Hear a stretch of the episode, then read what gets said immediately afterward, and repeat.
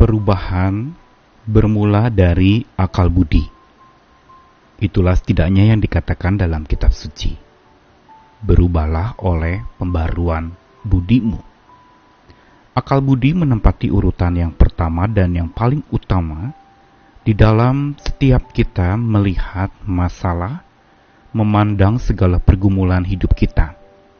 Pola pikir dan cara pandang seseorang sangat menentukan untuk dia dapat keluar dari pergumulan hidup yang berat dan secara kreatif dapat mengatasi serta menanganinya. Begitu pula dengan kebijaksanaan dari Tuhan itu dicurahkan lewat akal budi.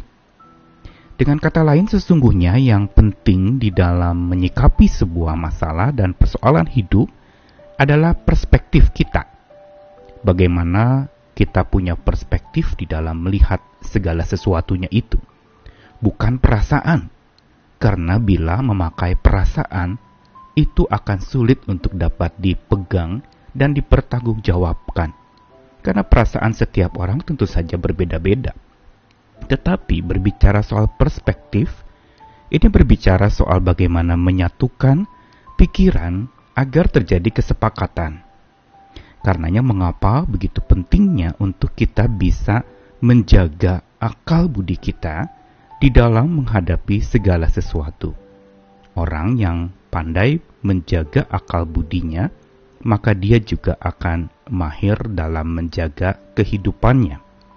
Akal budi adalah sumber kehidupan bagi orang yang mempunyainya. Karenanya, mari kita jaga akal kita. Saya Nikolas Kurniawan menemani lagi di dalam Sabda Tuhan hari ini dari surat Petrus yang pertama, pasal yang pertama, ayat 13 sampai 16.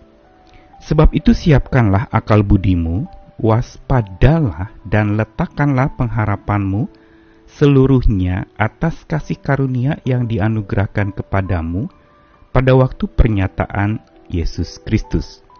Hiduplah sebagai anak-anak yang taat, dan jangan turuti hawa nafsu yang menguasai kamu dalam waktu kebodohanmu. Tetapi hendaklah kamu menjadi kudus dalam seluruh hidupmu, sama seperti Dia yang kudus, yang telah memanggil kamu. Sebab ada tertulis, "Kuduslah kamu, sebab Aku, Tuhanmu, kudus."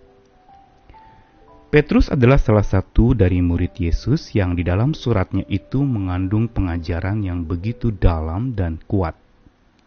Petrus adalah sosok yang dipersiapkan oleh Tuhan juga menghadapi penderitaan hidup yang sangat berat. Bahkan kita tahu betul bagaimana Petrus itu mati martir dengan cara disalib seperti Yesus, hanya dengan posisi yang terbalik. Dia rela untuk melakukannya dan Tuhan sudah mempersiapkan dia sejak awal menjadi murid Yesus untuk dia dapat menanggung penderitaan. Dan surat Petrus yang pertama dituliskan untuk orang-orang yang merantau. Dalam arti adalah orang-orang percaya yang diingatkan untuk sadar bahwa mereka adalah para perantau-perantau dan penumpang di dunia ini yang hidup serba sementara. Dan lewat ayat tadi dikatakan bahwa siapkanlah akal budimu. Ini merupakan pesan penting untuk orang-orang yang menyadari dirinya adalah perantau dan penumpang di bumi ini yang tidak akan selamanya menghuni dunia ini. Siapkanlah akal budi di dalam versi bahasa Yunani digunakan sebuah kalimat ungkapan yang menarik, yaitu kenakanlah ikat pinggangmu. Kenakanlah ikat pinggang pada pikiranmu. Mengapa kenakanlah ikat pinggang yang digunakan ini? Karena memang yang pertama orang yang memakai ikat pinggang adalah orang yang bersiap untuk pergi. Orang yang sudah ready, sudah mantap dan sudah bisa pergi karena sudah diperlengkapi dengan ikat pinggangnya itu. Dan yang kedua, bicara ikat pinggang itu adalah kemelekatan. Karena ikat pinggang itu selalu dikenakan untuk mengikatkan dan melekatkan. dan dia sangat dekat dengan pinggang tentu saja, bahkan hampir melekat di tubuh. Kemelekatan dan kesiapsediaan ini yang sebenarnya sangat penting untuk seseorang bisa menjaga akalnya saat menghadapi berbagai macam ganjalan-ganjalan hidup dari masalah yang terjadi atau ketika dijejali oleh kesusahan-kesusahan yang memberatkan hidup, pada saat itu sebenarnya kita perlu menggunakan akal kita dengan baik. Bukan semata perasaan kita, tetapi seperti yang tadi saya katakan, perspektif hidup kita. Pikiran kita, jangan asal jajal cari penyelesaian, tetapi lebih baik andalkan Tuhan yang tidak pernah gagal. Dan kendaraannya adalah akal budi. Perlu dijaga agar akal kita tidak terjegal oleh hal-hal yang mengganjal hidup kita. Kenakanlah ikat pinggang pada akal budimu berarti juga menaruh akal budi kita di dalam ikatan kasih Tuhan. Yang berarti bahwa kita sangat perlu menaklukkan akal budi kita kepada Tuhan dan kebenarannya. Bukankah di bagian lain dalam kitab suci juga dikatakan ikat pinggang kebenaran? Kebenaran diumpamakan seperti ikat pinggang yang membuat orang justru memang terikat tetapi justru dia menjadi lebih nyaman untuk bisa pergi ke mana-mana karena kebenaran yang dari Tuhan itu memerdekakan. Hari ini saat hidup kita terganjal masalah dan dijejali oleh susah, marilah kita andalkan Tuhan sambil menjaga akal budi kita agar akal kita tidak ke mana-mana tidak lalu kemudian terjegal oleh hal-hal yang mengganjal tadi itu, dan saat itulah kita perlu untuk menaklukkan pikiran kita. Kalau kita berjuang dengan cara kita yang kita pandang itu paling benar, hati-hati. Apakah yang kita anggap paling benar itu sesuai dengan kebenaran Tuhan atau tidak?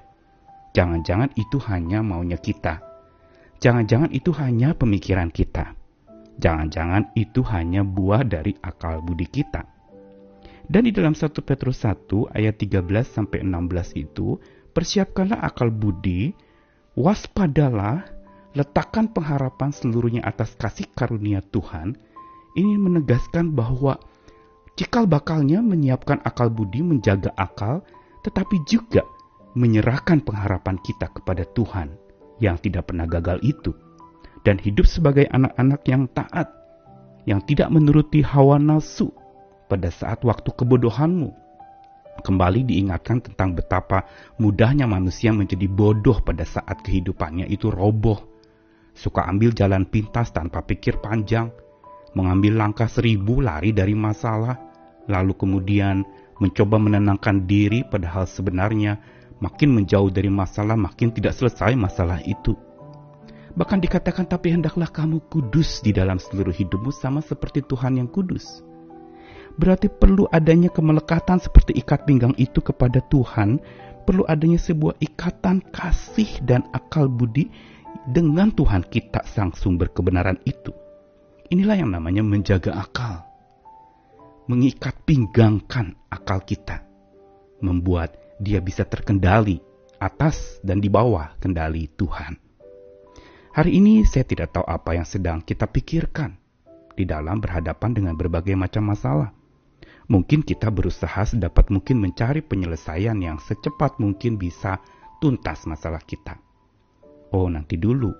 Jangan-jangan Tuhan memang sengaja memperpanjang masalah yang ada ini untuk supaya pandangan kita kepada Tuhan dan akal budi kita kita taruhkan di bawah kuasa Tuhan, sehingga kita memiliki perspektif iman di dalam menyelesaikan masalah hidup kita.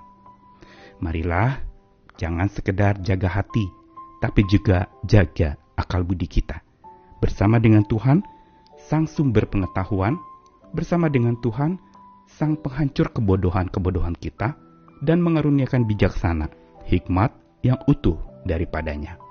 Selamat semangat lagi, selamat berjalan bersama dengan Tuhan dan taruhlah pikiranmu di dalam kuasa dan kendali Tuhan. Amin.